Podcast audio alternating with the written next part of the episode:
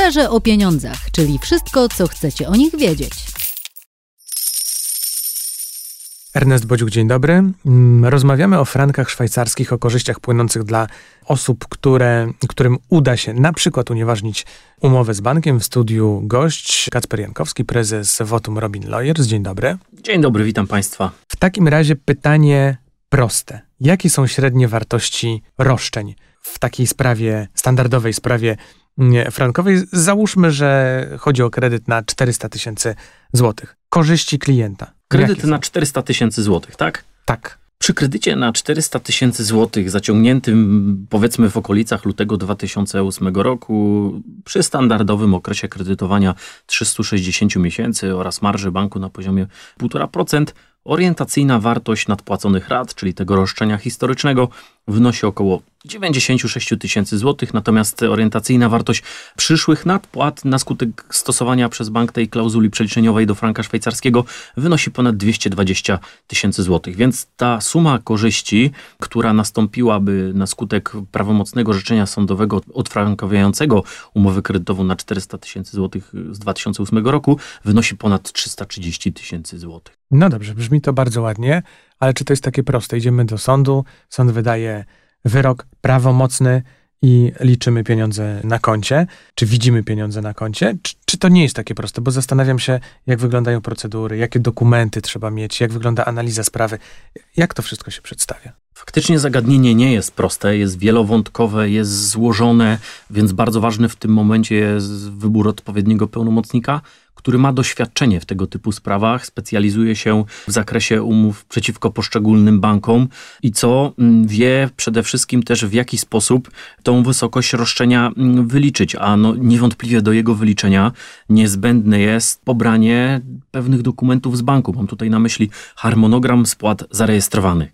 Na pewno każdą sprawę należy kompleksowo ocenić przez pryzmat jakby dwóch takich filtrów. Pierwszym z filtrem to jest filtr prawny, to znaczy czy dana umowa zawiera klauzuly niedozwolone, a drugi filtr to jest filtr, który odpowie na pytanie, ile powinno wynosić moje roszczenie względem banku. My jako pełnomocnik każdemu z naszych e, klientów e, pomagamy w pozyskaniu odpowiednich dokumentów z banku, przygotowujemy indywidualny wniosek do złożenia w banku i wniosek ten zawiera informacje o dokumentach, które są niezbędne do opracowania sprawy. Głównymi dokumentami, które są w takiej sprawie frankowej potrzebne, to jest oczywiście umowa kredyty, kredytu wraz z aneksami, jeżeli takowe w ogóle były zawierane, regulamin udzielania kredytu z dnia zawarcia umowy, gdyż są takie umowy, które miały regulamin w treści, natomiast niestety są też takie umowy, które miały ten regulamin wyciągnięty poza treść umowy i taki dokument też w przedmiocie prowadzonej sprawy jest niezmiernie istotny, gdyż on także zawiera w ocenie sądów klauzule niedozwolone. I ten kluczowy dokument,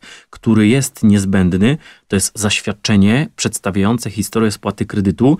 W szczególności to zaświadczenie obejmuje mm, datę i kwotę uruchomienia kredytu, czy też jego poszczególnych transz. I w przypadku takich transz to oszacowanie roszczenia jest troszkę bardziej skomplikowane.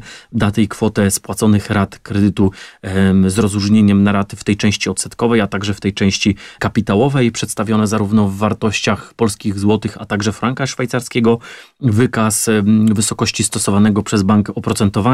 Niestety zdarzały się także umowy kredytowe, które miały także niedoprecyzowane zapisy dotyczące właśnie zmienności tego oprocentowania i część sądów uznaje, że te umowy no także nie są zgodne z prawem, a także informacja o uiszczonych prowizjach, czy też opłatach okołokredytowych, na przykład ubezpieczeniach, no a przodującym takim ubezpieczeniem jest ubezpieczenie niskiego wkładu własnego. I ten ostatni harmonogram jest nam potrzebny do tego, żeby prawidłowo oszacować co do grosza roszczenie, które mamy względem banku. No dobrze, a uzyskanie tych dokumentów jest proste? No bo ja sobie wyobrażam, że piszę do banku albo składam wniosek o takie dokumenty i za chwilę je mam powinno być proste. Powinno być proste. W końcu banki są instytucjami zaufania publicznego, są instytucjami, które mają setki tysięcy klientów.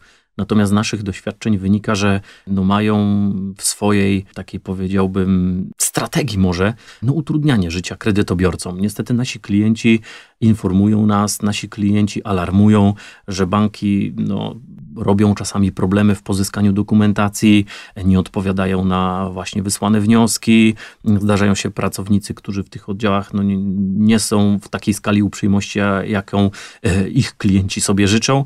Wydają także dokumenty, które mm, zawierają błędne dane albo części danych nie zawierają w ogóle.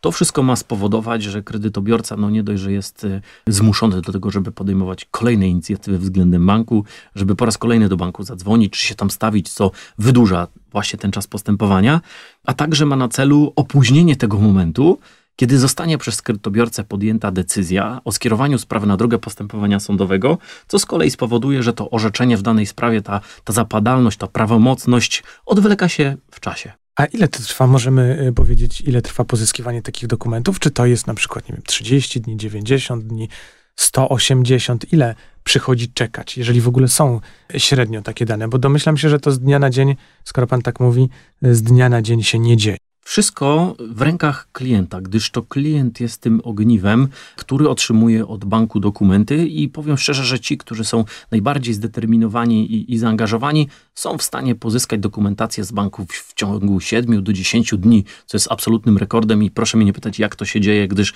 no, każdy z klientów ma swój sposób, natomiast średnia faktycznie waha się od 30 do 60 dni, natomiast niestety zdarzają się czasami sytuacje, gdzie bank prosi kredytobiorców o opłatę za wydanie dokumentacji sześciostronicowej nawet w kwotach około 1800 zł.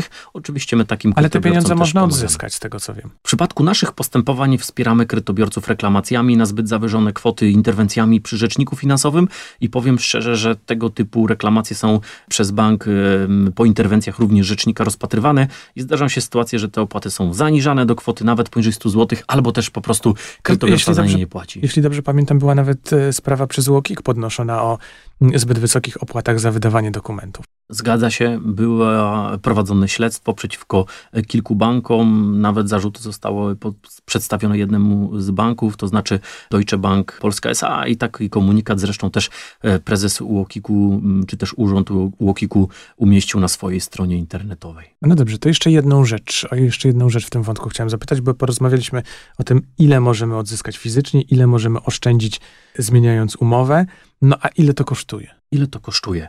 W przypadku naszej grupy kapitałowej, w przypadku naszej spółki mamy kilka wariantów, które może dowolnie wybrać klient. Każdy z wariantów został przygotowany w taki sposób, że jest on korzystny dla danego kredytobiorcy posiadający w równowartości złotych polskich odpowiednie zadłużenie względem banku, bo przypomnę, że mamy różnego rodzaju kredyty, to znaczy takie, które są na kilkadziesiąt tysięcy złotych, na kilkaset, ale także i kilka milionów.